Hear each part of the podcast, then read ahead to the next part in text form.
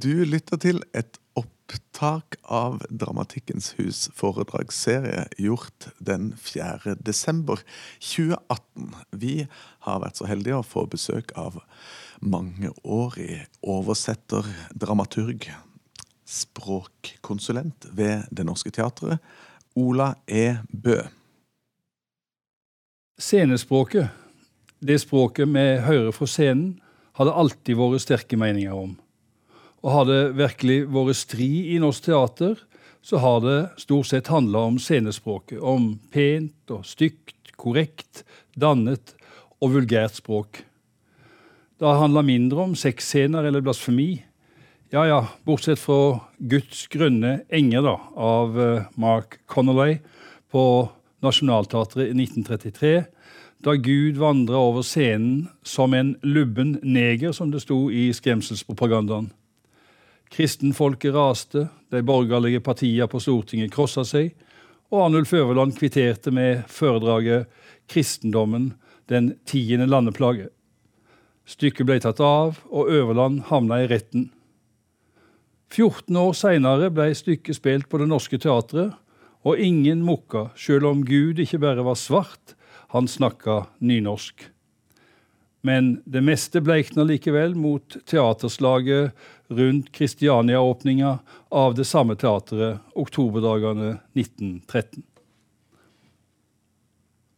Og Da skal vi ha en del eh, flotte avistegninger her fra den åpninga. Dette er jo på en måte det, det, Dette er som tilsvarer pressefoto i dag.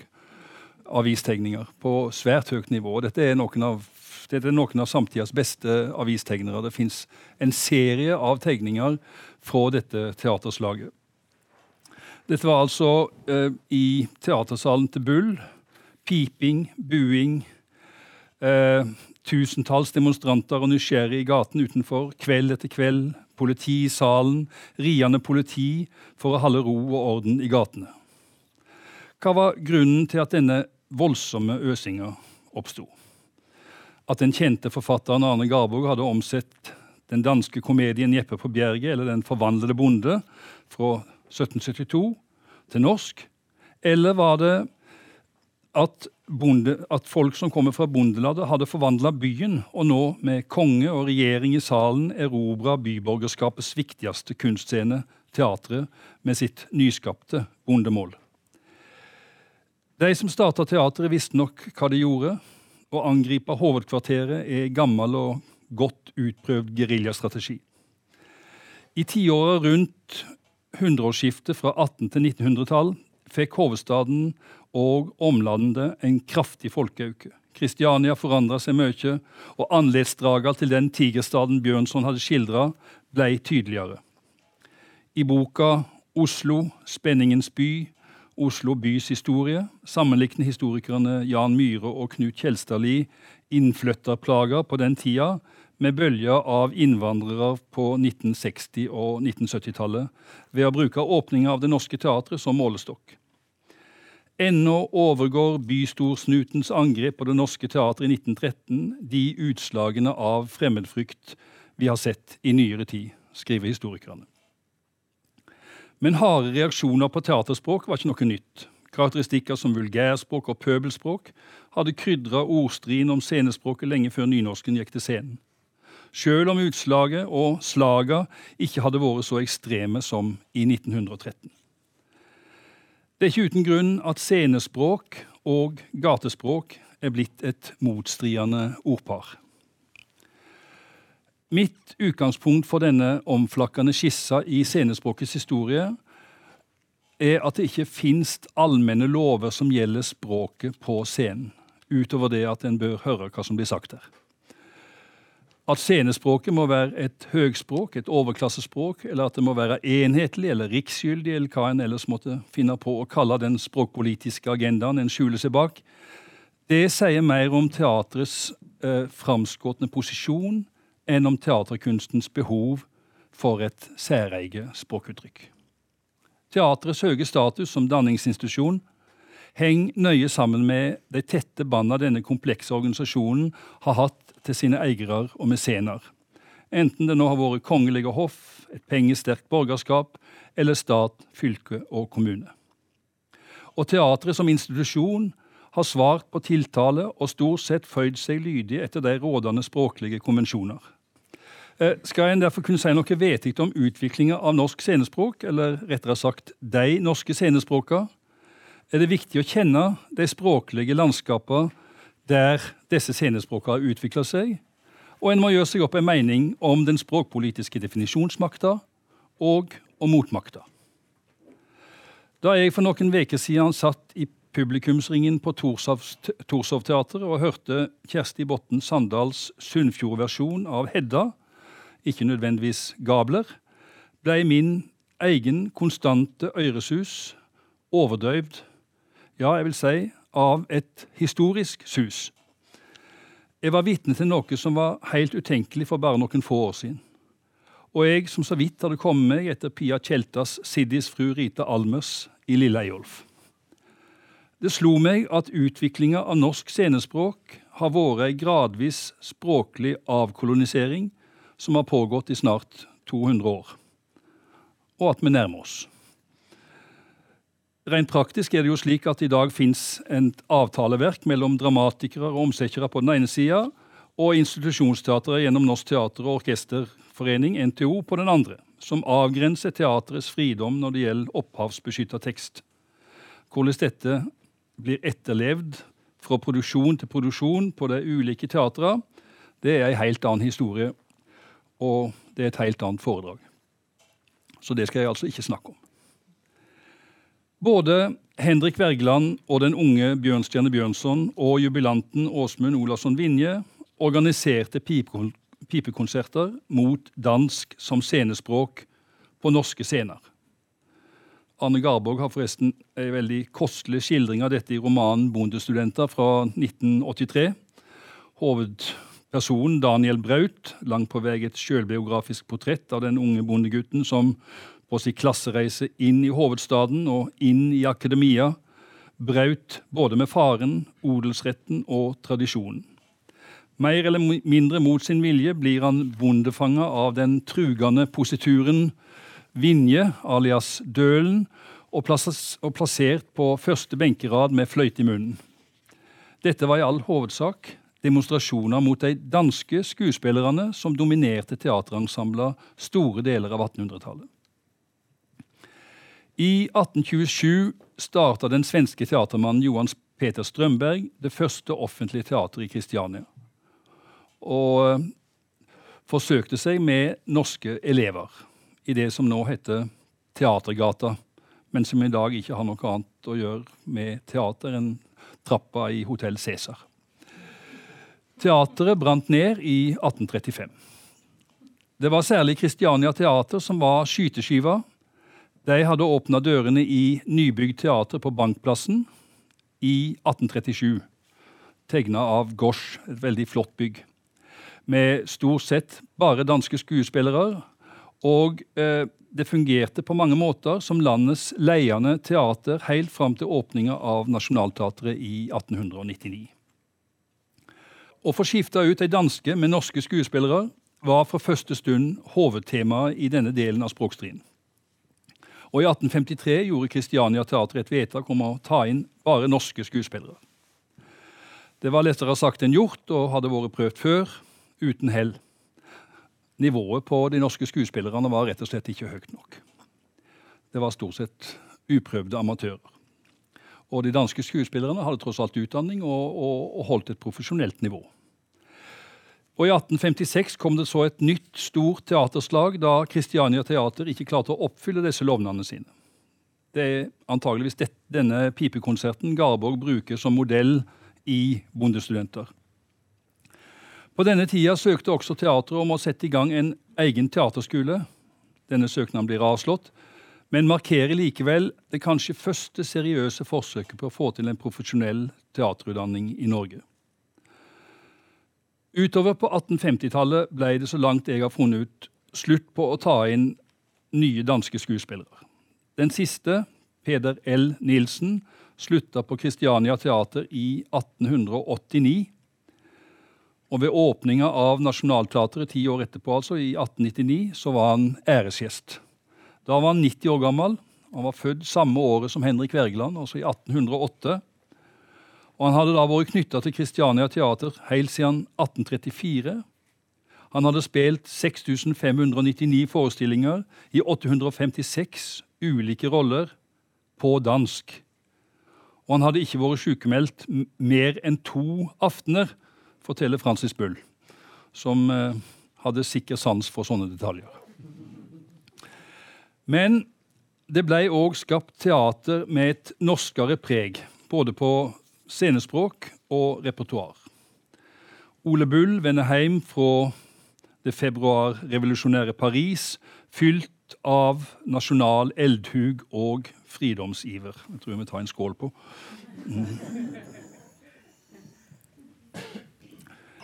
Han argumenterer for et heilnorsk teater, og knapt ett år seinere, den 2. januar 1850, åpner Det Norske Teatret i Bergen. Det Norske Teatret, mener jeg, i Bergen. Her må en holde tunga beint i munnen. Da hjelper det ikke med rødvin. Um, uh, de åpner med Den vegelsinnede av Holberg og ellers et utprega norsk repertoar med folkemusikk og folkedans. Denne åpningsdatoen, forresten 2. januar, den bruker òg Det Norske Teatret når de åpna uh, sitt teater i Kristiansand 63 år seinere, i 1913. Den 2. januar. Så dette var, dette var magisk, som det heter i dag. Eh, uh, ja. Eh, Myllergutten og eh, de beste spelmenn og dansere fra distrikter rundt Bergen ble tilkalla, og ikke minst fikk teatret fram en hel del dyktige skuespillere etter hvert, med, helt, med en helt annen språktone enn det danske snerpet i Kristiania. Flere av disse havna etter hvert på Kristiania Teater i, eh, på Bankplassen.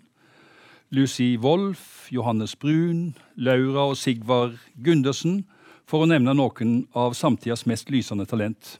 Alle utvandra bergensere, og ikke uten grunn har Laura Gundersen fått oppkalla ei gate etter seg både i heimbyen Bergen Jeg hadde forresten min første studenthybel der, i Laura Gundersens gate. Eh, og eh, Laura Gundersens gate i Oslo. Den i Bergen den ligger like overfor Danmarksplass, forresten. Hvis det er noen som er interessert i sånne detaljer. Eh, ja, um, Bergensskuespillerne danna rett og slett skole. Nystemt bergensk hadde en frisk klang av noe nasjonalt som tida etterspurte. Og helt opp til vår tid har skuespillerstemmer med bergensk etterklang stått høyt i kurs. Jeg for min del kunne godt tenke meg å nevne Eilif Arman som et godt eksempel på det. Henrik Ibsen, som, Henrik Ibsen, som hadde viktige lærer ved teateret i Bergen som husdramatiker fra 1852 til 1857, hadde òg sine klare preferanser når det gjaldt scenespråk. Over et glass i Gosnas i Tyrol legger han ut for sin protesjé Jon Paulsen. Den østlandske dialekt passer så lite for scenen. Det er saken.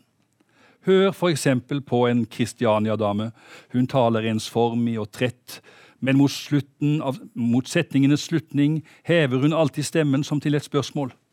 Og en fremmed som ikke forstår språket, men kun oppfanger lyden, tror også at hun uavbrutt gjør spørsmål. Og det er dette, sammen med språkets uskjønnhet, som gjør østlandsdialekten så ubrukelig på scenen. Ho-ho. Dette burde vært slått opp på veggen på Teaterhøgskolen. En av de mest autoritære smaksdommerne på 1800-tallet, den konservative filosofen Markus Jakob, Marcus Monrad, vender seg òg til skuespillerinnene og maner de til foredlende innflytelse på det dannede folks tale. I deres hånd vil det nu for en ikke så liten del være lagt om Norge med sannhet skal siges at eie et språk, og hvordan dette i det minste hva uttalen angår, skal være. Men, advarer Monrad, la oss for Guds skyld på scenen være fri for trondhjemsk gjøen, berg, Bergens Vinen, Kristiansandsk Snadren og østlandsk Knerken. En skarer for å få til det der. Men han advarer òg mot snerpespråk og bokspråk, og minte om at det på teatret, på teatret ikke var snakk om bøker, men om levende mennesker. Han ville høre det smaske av je i kyss, og gyse, gjøre, give, gidde og må skje. Og han ville ha norskklingende konsonanter. Kjøpe, søt, mat og pike. PTK, altså, for BDG. Det var den typen språkendringer det var snakk om på denne tida. Men det å la allmuespråket, eller bondemålet, framtrede på scenen, må betraktes som uutførlig svermeri, hevda han i 1852. Vel, nå skjedde nå likevel akkurat det et par år seinere, på et annet teaterprosjekt fra samme periode, som det òg verdt å snakke litt om. Det er Kristiania Norske Teater. Kristiania med K. Det er i seg sjøl et språklig signal. Og det teatret lå i Møllergata, på den tomta som i dag har eh, KFUM-bygget. Eh, det begynte som teaterskole, Den norske dramatiske skole, og det utvikla seg så til Kristiania Norske Teater i 1854, som igjen endra navn til Det Norske Teater, men ikke har noe ting å gjøre med Det Norske Teatret. Et hovedmotiv bak foretaket var å fornorske teaterspråket. Slik sett så ble det oppretta i opposisjon til Kristiania Teater. Kristiania Norske Teater er nok mest kjent for, Ibsen, for at Henrik Ibsen var kunstnerisk leder der i perioden fra 1857 til teatret gikk konk i 1862.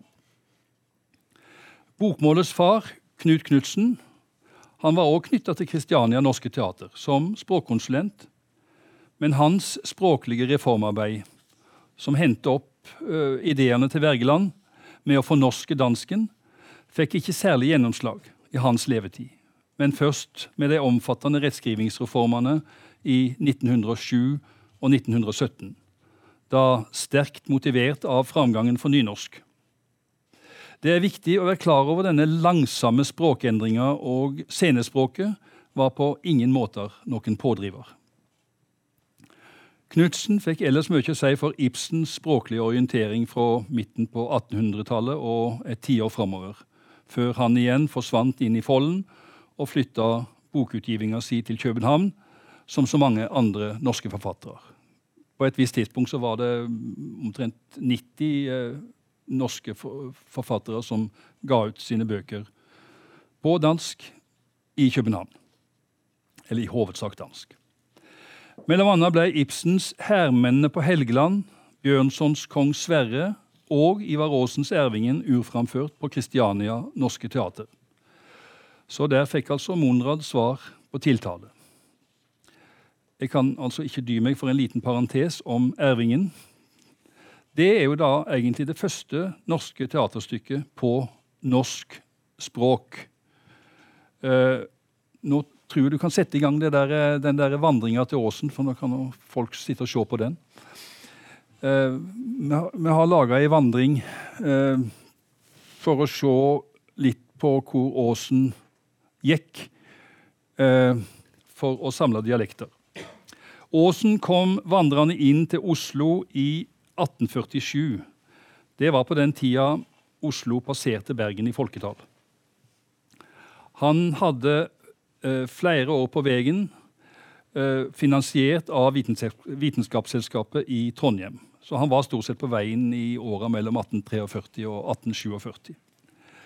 Eh, for å studere det norske språket slik det ennå levde i sine ulike dialekter rundt om i landet. Målet altså landsmålet, eh, ble bokstavelig talt til mens han gikk. I 1848 gir han ut sin norske, første norske grammatikk. I 1850 en norsk ordbok. Og det er ennå ei helt uunnværlig oppslagsbok for alle som er interessert i språklig mangfold her i landet. Veldig billig på alle antikvariat. Og den 29. april 1855 er det premiere på syngespillet eller musikalen Ervingen. Flere av melodiene hadde han laga sjøl eller plukka opp på sine mange reiser. Dette vet vi ikke sikkert, men eh, det er det vi forteller. Noteukyndig som han var, måtte han synge de for teatrets italienske kapellmester Paolo Sperati. Og det er ei teateroppleving jeg gjerne skulle ha betalt ganske mye for. Da Aas sitter og synger for Paolo Sperati. Eh, og han sang da bl.a. denne her, som, jeg nå skal prøve meg på, som er Norges desidert mest brukte melodi. Og den går omtrent sånn. Hurra for deg som fyller ditt år, ja, deg vil vi gratulere.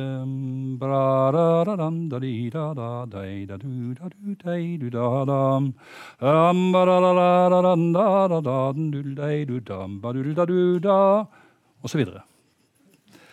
Eh, Teksten av Margrethe Munthe den sto for første gang i ei sangbok trykt i 1911, men melodien er altså Åsen sin. Eller en melodi han har fiska opp på veien. Det er en typisk tretakts dansemelodi. Det kan ha vært en springer, det kan ha vært en masurka eller et eller annet sånt. Men uh, eh, iallfall en god dansemelodi. Uh, Åsen bruker han på et dikt fra Ervingen som heter 'Her er det land som huger meg best, og hit har vi lengta lenge'. Eh, det var forresten òg åpningsstykket på Det Norske Teatret, eller ett av åpningsstykkene som de hadde første sesongen, nemlig Ervingen. Og Ervingen var et stykke som ble spilt ganske mye, selv om det ikke var stor dramatikk. Eh, og på Kristiania Teater faktisk hele 16 ganger, og ellers spilt mye rundt omkring, eh, både på, av amatører og på profesjonelle, den tidas profesjonelle scener. Aasen sjøl kommenterer i dagboka si premieren nokså nøkternt. Ervingen gået i Det Norske Teatret. Ingen ulyd. Parentes klapp ved enkelte sanger og ved slutningen. Parentes slutt. Det var det hele. Ja, eh, I dagboka si så skriver Ivar Aasen dansk, og det gjorde han hele livet. Den 22 år gamle Bjørnstjerne Bjørnson var langt mer begeistra, særlig for scenespråket. Han meldte stykket i Aftenbladet. Like overfor det må vi med skam og misunnelse høre dets utømmelige ordforråd, se dets gjennom århundrer oppsamlede erfaringsskatte og visdomsord. Aldri kan man mere beklage det byttet vi har gjort. Det har forunderlige minner til den som en gang har levet blant bønder, og nogle ord at sige dem, som motsetter seg all bestrebelse på at få vårt fattige skriftspråk beriket fra dialektenes gullgruber. Dette var den unge Bjørnson. Den pipa skulle få en helt annen lyd noen tiår seinere. Jeg spoler litt tilbake til Wergeland. Det var han som starta det språklige opprøret i Norge.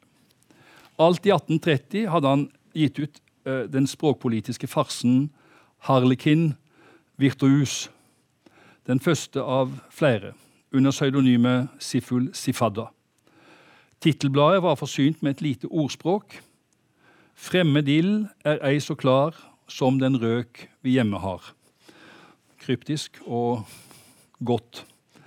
Jeg skal ikke trøtte dere med noe langt handlingsreferat, men helten er en ung norsk student som utgir seg for å være den berømte signor glorioso, amoroso, sonoroso, vittorioso, virtuoso, arlikino. Virtuosenes virtuos. Dette er virkelig noe å trene seg på. I ei mannjamning med to naraktige danske artister stiller han opp. Men han blir avslørt, og da feller stykkets kjernereplikk. Jeg giver min sjel, ja, min fløyte på at denne Arlikino er en rå karl herfra.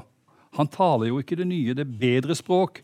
Det moderne, det dansk-norske, det offentlige teatrets språk. Det som landet skal lære av skuespillerne. Wergelands aksjonisme og sterke engasjement peker fram mot den første teksten i teori og praksis. Eh, som startet, eh, altså den første teksten som eh, i teori og praksis starta debatten om å arbeide for et nytt norsk skriftspråk. Artikkelen hans om den norske språkreformasjonen, er skrevet i 1832 og trykt i Bondevennen nummer 1 i 1835.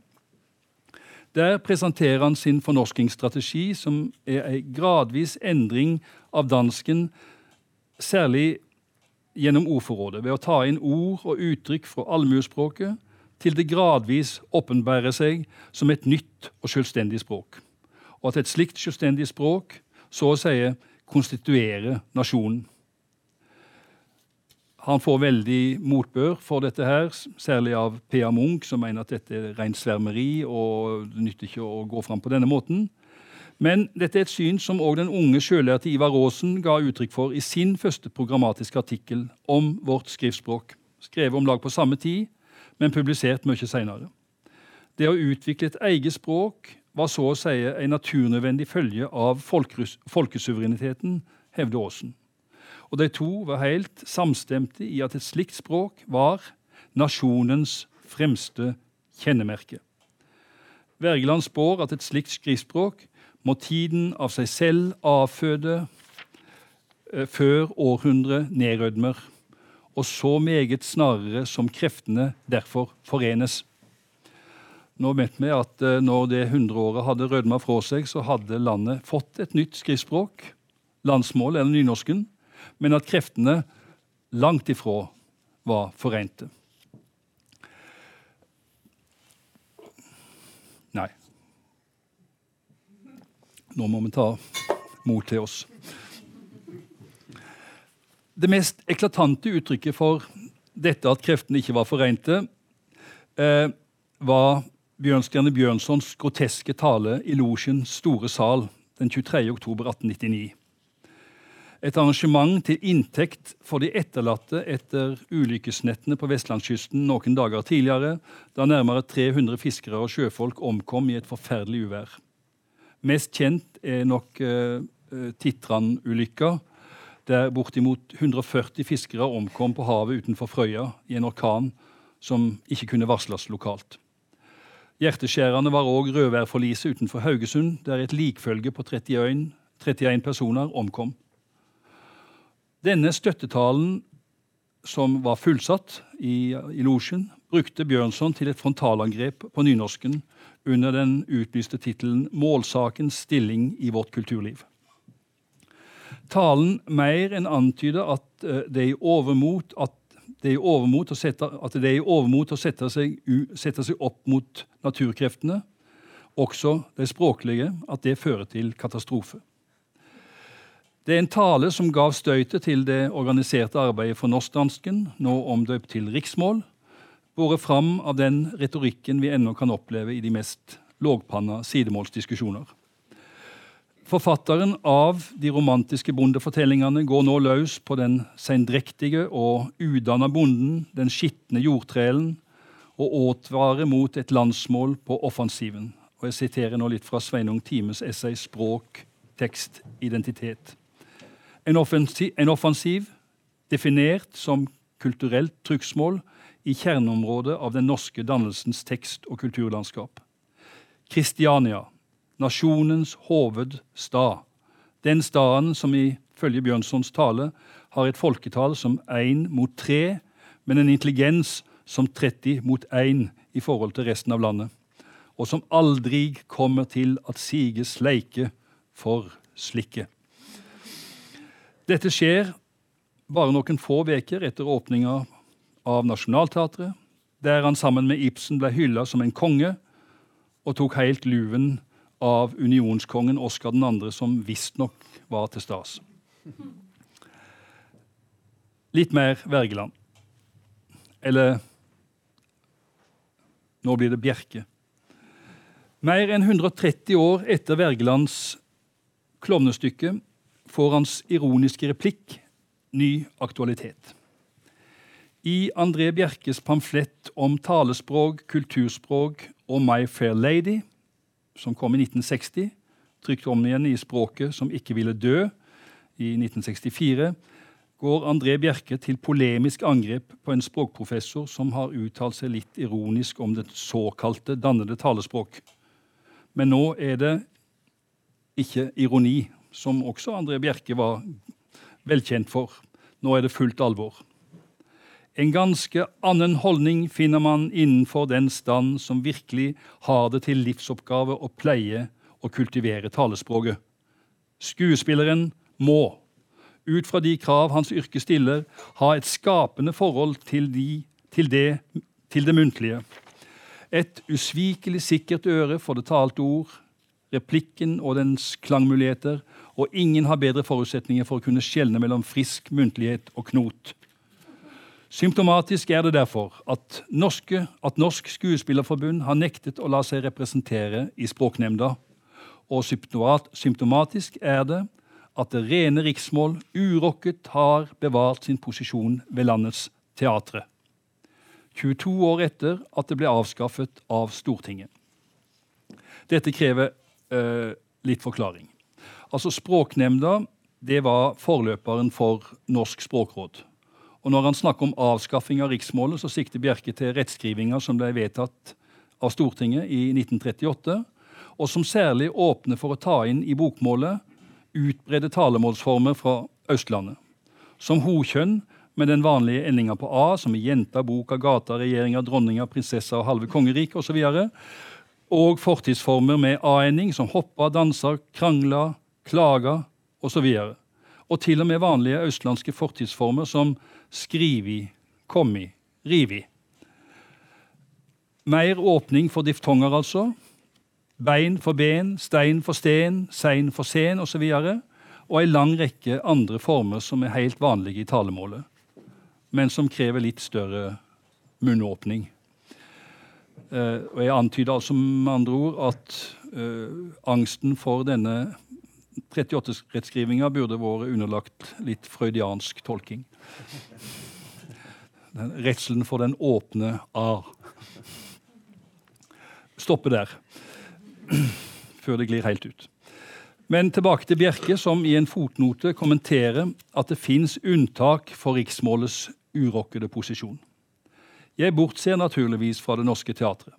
Her har man innført en eiendommelig praksis å la en enkelt person i et skuespill uttrykke seg på riksmål, nemlig skurken i stykket. I to forestillinger på rad ble det praktisert i 1959, i Lars Bergs 'Maria' og Alf Prøysens 'Tingeltangel'. I begge stykker opptrådte Helge Esmar som den riksmålstalende skurk. Det krever òg en skål. Uh,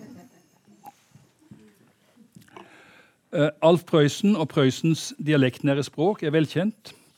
Store suksesser på Det Norske Teatret, som Trost i taklampa. Mindre kjent er nok den såkalte Hedmarksoperetta, eller Karusell i sju runder, og tittelen Tingel tangel i natt, med flere kjente Prøysen-tekster. F.eks. Hamar, uh, Hamar, uh, Hamar, Hamar med, Lars skal til Hamar med slakt, ja. Uh, dette er et samarbeid mellom Prøysen, Asbjørn Toms og komponisten Bjarne Amdal og den svenske visekunstneren Ulf Petter Olrog.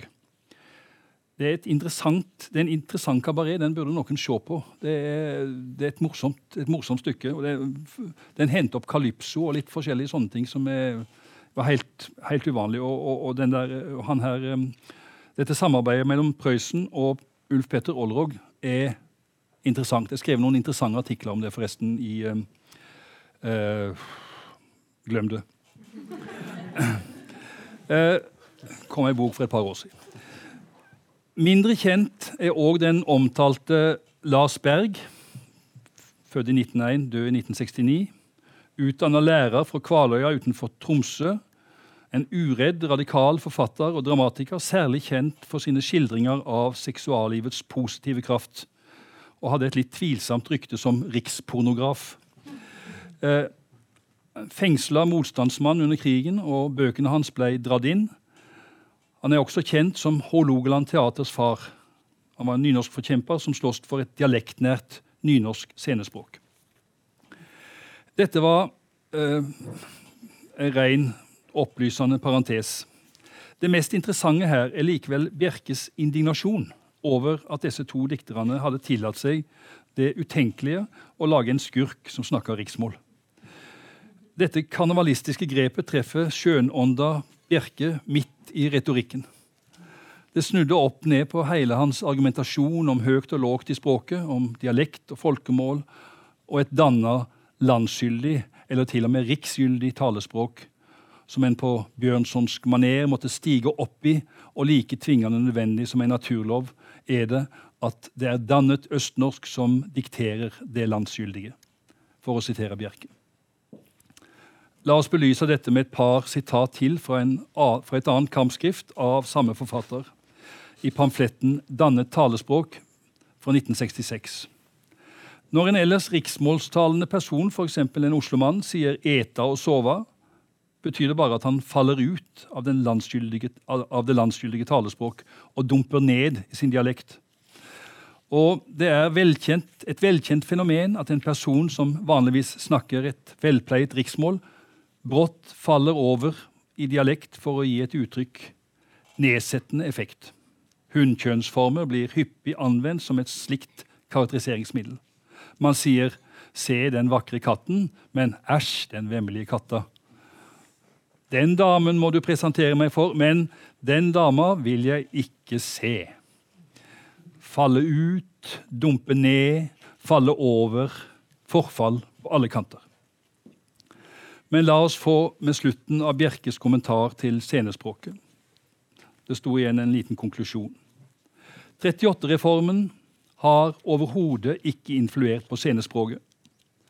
Har en oversetter av et skuespill innført obligatoriske 38-former i sitt manuskript, Fram, 20, Ramnen, Suppa osv., da er de regelmessig blitt rettet til korrekt riksmål på scenen unntagen der hvor disse formene har sin berettigelse i dialektreplikker. Det er uklart for meg hva slags posisjon Bjerke har når han uttaler seg så kategorisk om scenespråket og rettepraksisen i 1966. 66. Han er sikkert sentralt plassert i hovedstadens teaterliv og med god oversikt over, landets, over landet ellers, må en kunne gå ut ifra. Når jeg bruker såpass mye tid på André Bjerke, så er det både fordi jeg oppfatter han som tidstypisk, og fordi han har vært en viktig person i norsk teater. I en lang periode var han nesten enerådende som omsetter av klassisk dramatikk på Nationaltheatret og ellers.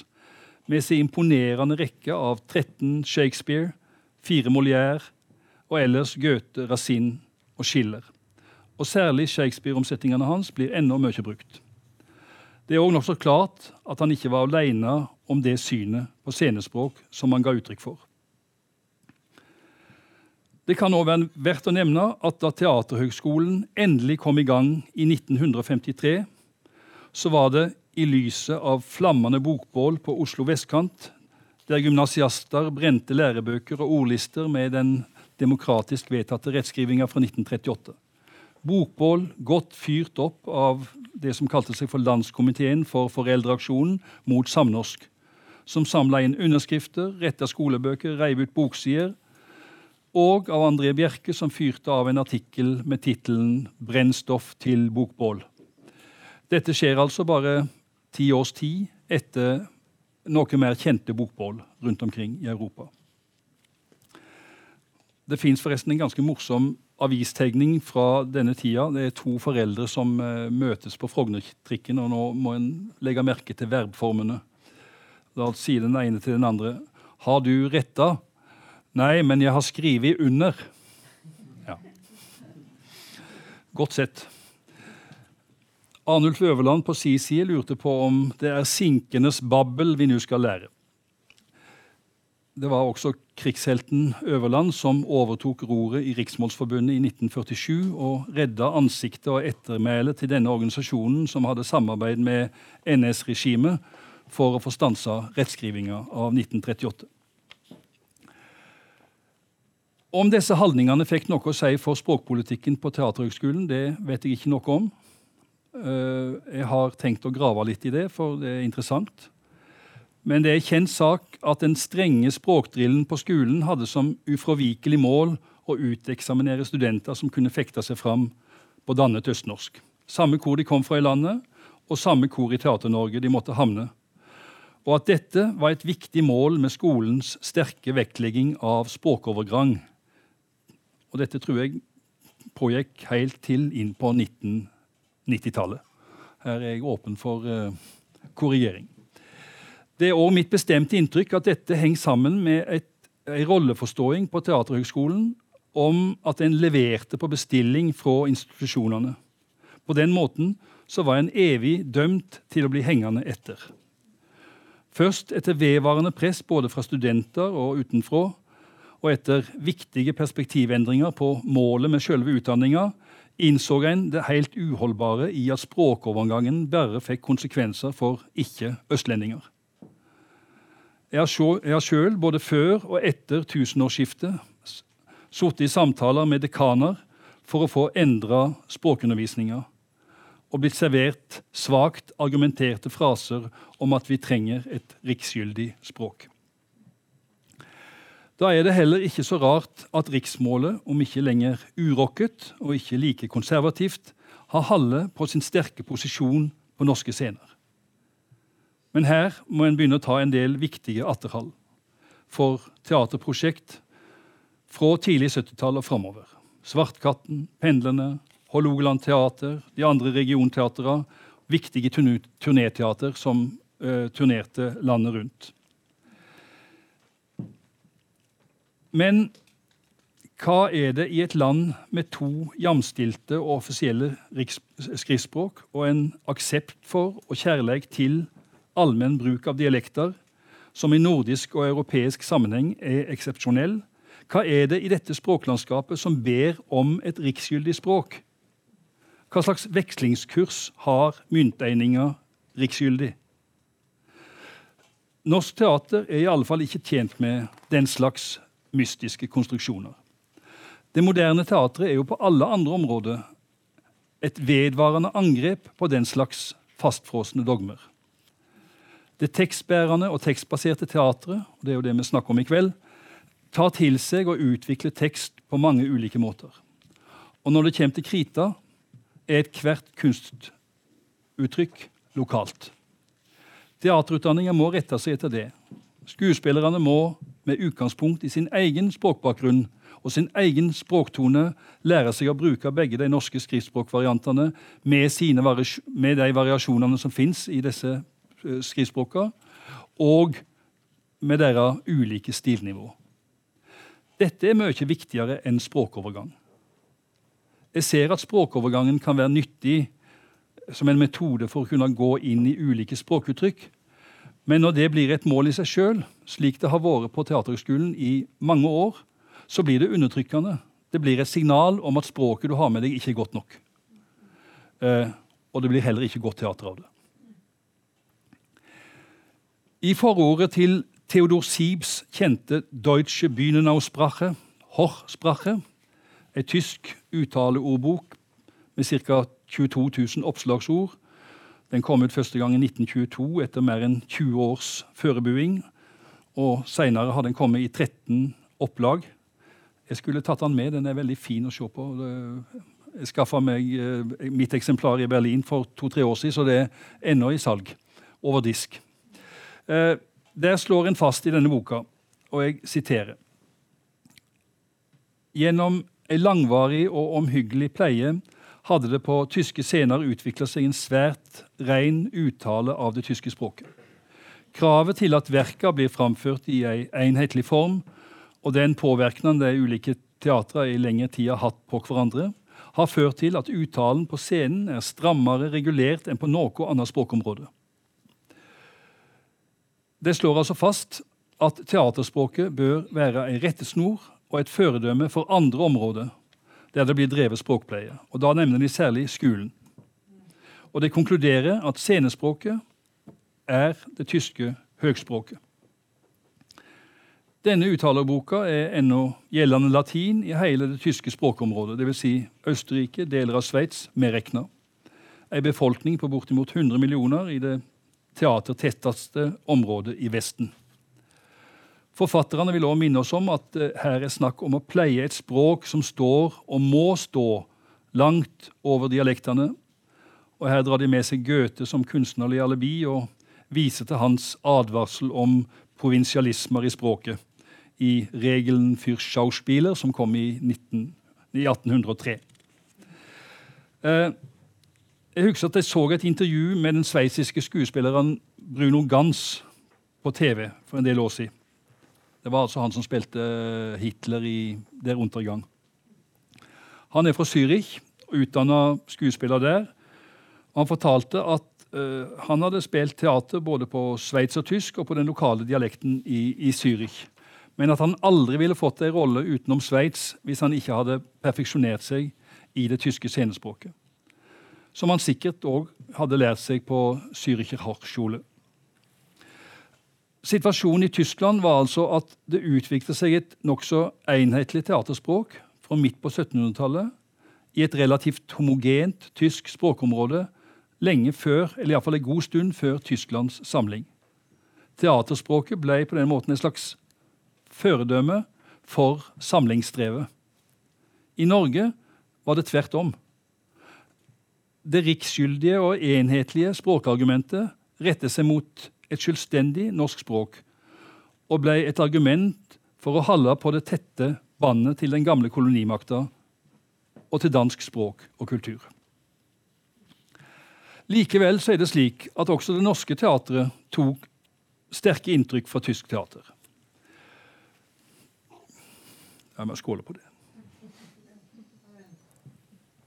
Uh, Arne og Hulda Garborg var faste gjester ved Freie Folksbyene i Berlin på 1890-tallet. Og Garborg fikk òg en uh, høythengende bokpris fra Freie Folksbyene. Spørsmålet om språkodling sto også sentralt for garborgerne. Og dette hadde de nok kanskje fanga opp i, i Tyskland. Teatret var et middel for å fremme det nye skriftspråket, men først og fremst for å utvikle og dyrke et talelandsmål til støtte for skriftspråket. Jeg siterer nå litt fra et foredrag som Arne Garborg holdt i 1898 om målteatret. På speltile samles folk fra alle landsluter. Parentes, og vel helst er det von fra bygder med godt, dvs. Si rikt mål. Parentes slutt.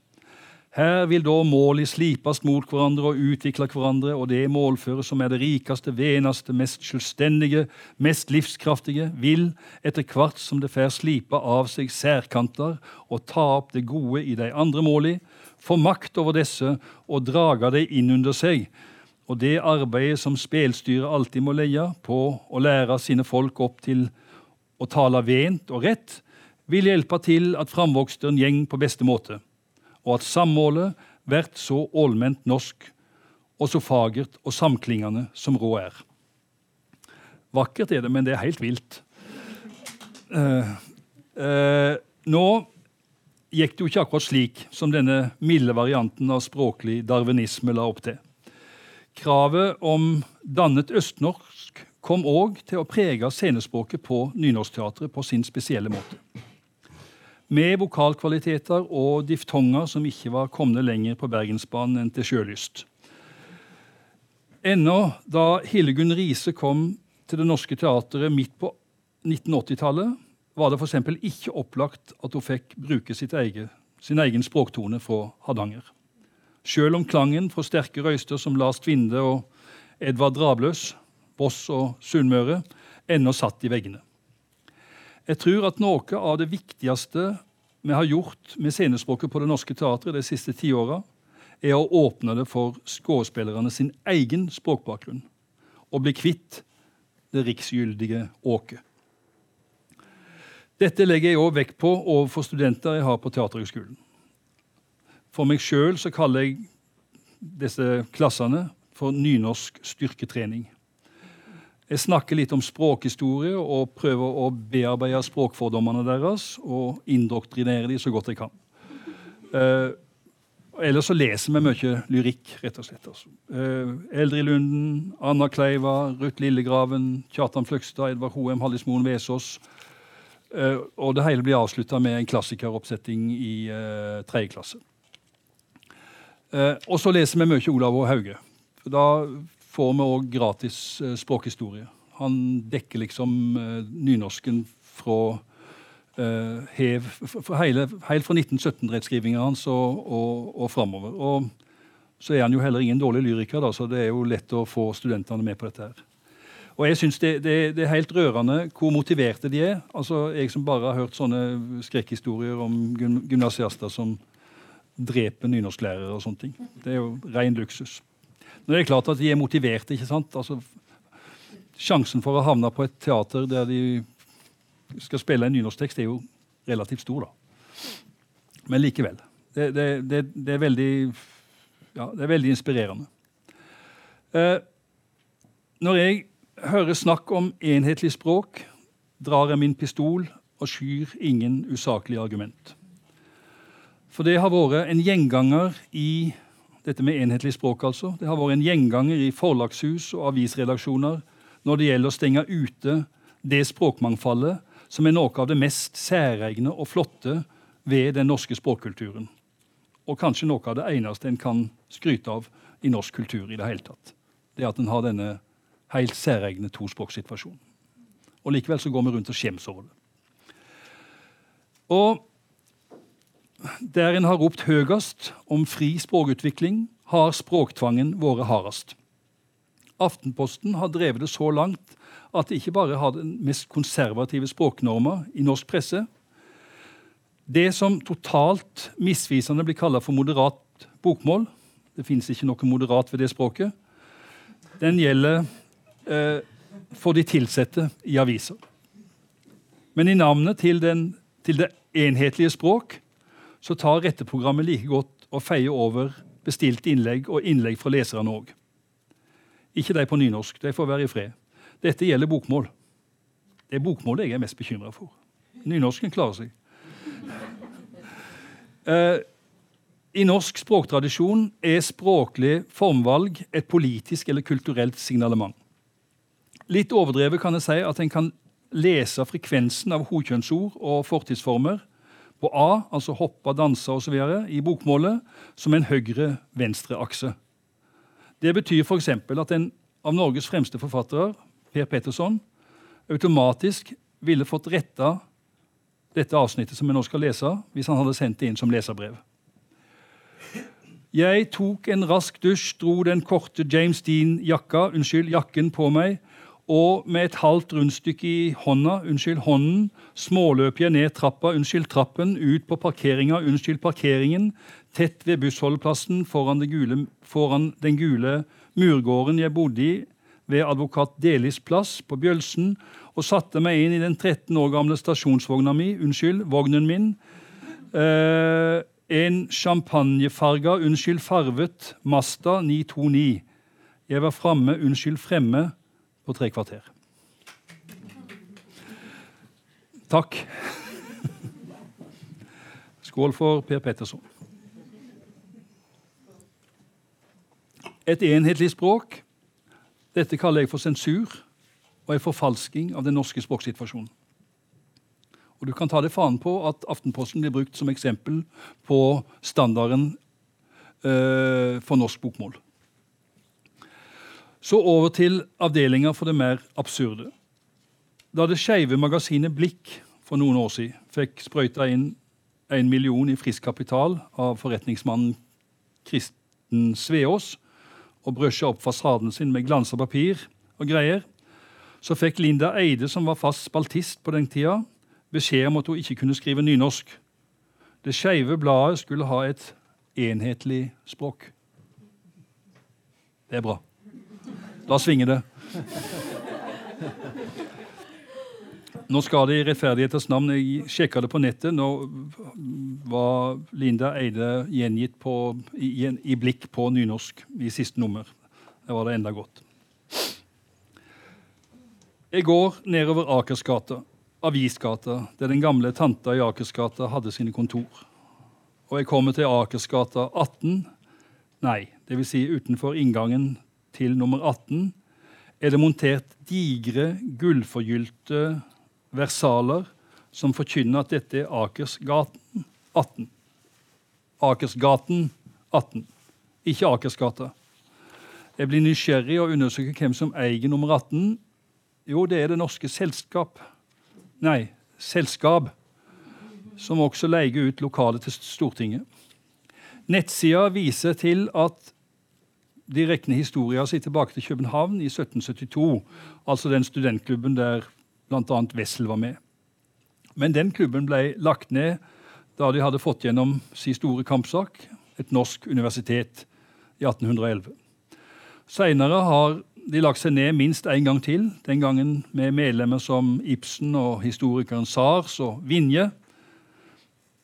Nå er det en klubb for styrtrike menn som lyger på seg et humanis humanistiske aner og er imot hokjønn. Bokstavelig talt. Det er ikke tilgang for kvinner der, og heller ikke for språklig hokjønn. Og dette er, et, dette er et uttrykk for hvordan makta og språket feller sammen. I Oslo sentrum heter det Gata. Det har det gjort siden tidlig på 1930-tallet. Majorstua skifter kjønn etter den politiske fargen på rådhuset. Gjorde iallfall det. Nå heter det visst Majorstuen likevel, men folk sier noe så mangt. Og, og skiltinga til Tryvannstuen skifter kjønn på 224 meter over havet.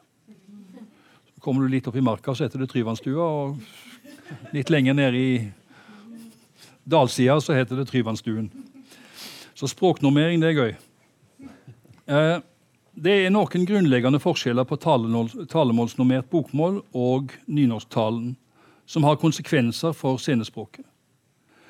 Bokmålstalen med moderate former, gaten, dronningen, hoppet, danset osv styrker seg både allment og til dømes i NRK. Og det er den bokmålsvarianten som er tydeligst sosialt markert. Og vi vet stort sett hvor han hører hjemme. Og det er den folk skifter til når de kommer fra sirkumferensen. Den andre bokmålsvarianten, gata, hoppa osv., er vel så utbredd geografisk, men er ikke så fastnormert, og den har ikke like høy status. Det kan ha sine sider for et teater å spille på en språkvariant som kløyver befolkninga sosialt. Teatret må på en måte velge, hvis ikke teksten alt har tatt det valget. Jeg har inntrykk av at dette er en av grunnene til det som nå skjer på Nationaltheatret. Og det gleder jeg meg over. Men jeg tror ikke at det er derfor de gjør det. Nynorsken har, talemåls, har en mye svakere talemålsnorm. Det nynorske talemålet har ingen geografi. Du kan ikke peke på kartet og si at der snakker de nynorsk. Uh, nynorsken er et situasjonsspråk, på en måte. altså Dagsnytt klokka sånn og sånn, Dagsrevyen, Det Norske Teatret rett som det. Og boklansering med den og den, og Edvard Hoem og Olaug Nilsen, og kanskje. Og vi som snakker nynorsk, har et mye mer truløst forhold til skriftspråket. Vi glir inn og ut av dialekten vår og øh, normen, skriftnormen, som vi av og til bruker. Grunnen er enkel. Bare hør på meg i kveld. Det er jo sånn hele tida. Grunnen er enkel. Det er dialektene som er det nynorske talemålet. Som teaterspråk har det den fordelen at det er sosialt nøytralt og litt distansert. Det er en slags gratis stiliseringsbonus for de som setter pris på sånt. Men nynorsken har problem med sosial karakterisering. Da må en ta dialektene til hjelp. Mange skuespillere føler seg mer autentiske når de får snakke en dialekt. Denne autentisiteten er på en måte et fikenblad. En lærer ikke dialekt i løpet av en prøvetid. Du kan kanskje klare å illudere dialekt i løpet av en prøvetid. Og en lærer iallfall ikke dialekt uh, uh, i språkovergangen på Teaterhøgskolen. Der lærer en uh, å herme en medelev som har bodd flere år i Oslo og er veldig stressa. Og Dermed så hører du rundt omkring på norske scener dobbeltgjengere av, av skuespillere som bruker bruker nynorsk. Det er ikke spesielt stilig. Det er mye stiligere å høre folk som har gjort et ærlig arbeid med å, å, å inkorporere sitt eget språk i den nynorske teksten. Eh, Den italienske teatermannen Dario Fo Nei. Jeg har, jeg har en PC som plutselig stryker avsnitt. Og her er det et avsnitt som er vekke. Har jeg holdt på veldig lenge nå? Nei da. Tåler dere litt til? Ja da. Okay. Eh, dialekten er på mange måter Jeg henter nå et avsnitt fra noe jeg har skrevet før. Jeg tror det dekkes som noenlunde. Dialekten er på mange måter vel så uttrykksfull som skriftspråket. At dialekter på scenen likevel kan være et problem, er ikke det dialekten mangler, men det er det han legger til. Både av geografisk plassering og kjenslemessig privatisering. Vi har minst tre omsyn å balansere. Den litterære karakteren til teaterteksten, miljøet i selve stykket og utøveren sin språkbakgrunn. Alt dette er viktig for det kunstnerlige resultatet. Noen teatertekster er båret oppe av ei språklig nyansering og gjennom gjennomarbeiding som ikke ber om dialektfarging og lokalisering. Det kan margstjele teksten for litterære kvaliteter og privatisere der teksten ber om distanse. Men nærlesinger av stykket kan òg åpne for spennende språklige variasjoner som er med på å utvikle tematikken. Og I ni av ti tilfeller vil oppsettinga tjene på at skuespilleren får utnytta så mye som mulig av sin språklige bakgrunn. Og Da snakker jeg ikke nødvendigvis om dialekt, men like gjerne om språktone og ei viss uttaletillemping. Da Hålogaland teater ble oppretta som det første regionteatret i Norge i 1970, brøt det nyinnflytta ensemblet radikalt med innarbeidede teatrale språkkonvensjoner og hovedstadens affekterte talefakter. Det å nytte den lokale dialekten var et viktig politisk poeng. I dag kan en slik patriotisk identitetsmarkør stå i veien for et mer variert og moderne uttrykk. Jeg mener f.eks. at det å bruke en så god oversetter som Ragnar Olsen til å oversette Jon Fosse, er meningsløst. Det er en provinsialisme som er skrikende tåpelig. Nå må de gi seg med dette tullet der oppe. Unnskyld, Hålogaland. Et moderne teater i Norge må uten fordommer og ut fra det mannskapet de, de er til hver tid, kunne spille på, mål, på de to målformene som preger norsk litteratur. Men det må selvsagt også kunne bruke og mestre den lokale munnarten. For Det Norske Teatret med sin nynorske føremålsparagraf har det vært viktig å markere det landsomfattende språklige grunnlaget ved å ikke gjøre forskjell på språklig bakgrunn. Derfor så heter det nynorsk med egen klangbotn når de slår opp eh, rollelistene på Det Norske Teatret i dag.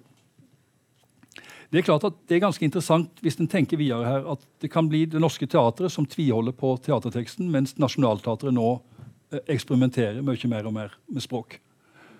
Men sånn må det være. Jeg tror det er, jeg er Nationaltheatret som har mest å vinne og, og, og kan tilføre nytt ved å, å, å, gå den veien de nå gjør.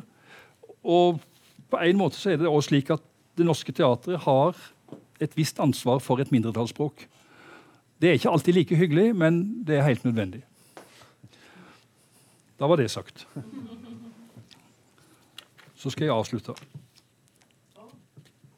Den italienske teatermannen Dario Fo bruker som Wergeland også klovnen som Nei, det ett poeng til som jeg har glemt. Det er en del uh, instruktører som heller ikke er så veldig glad i nynorsk, uh, men som er glad i skuespill på nynorsk. Uh, og Måten å gjøre det på er da å finne ut hvor forfatteren kommer, for og så oversette en, språket til heimstaden til forfatteren. Det går an, det. og og forfatteren som er glad for å bli sett opp, sier kanskje ja. Men originalen, manuset, er skrevet på nynorsk. Ber ikke om lokalisering. Og den der typen lokalisering det reduserer teksten på mange måter. Eller kan iallfall gjøre det. Jeg vil gjerne ha nevnt det òg fordi at ja, i tilfelle det skulle være noen instruktører som hører på dette her. Språklig kjetter og klovn. Den italienske teatermannen Dario Fo bruker som Wergeland også klovnen som talerør.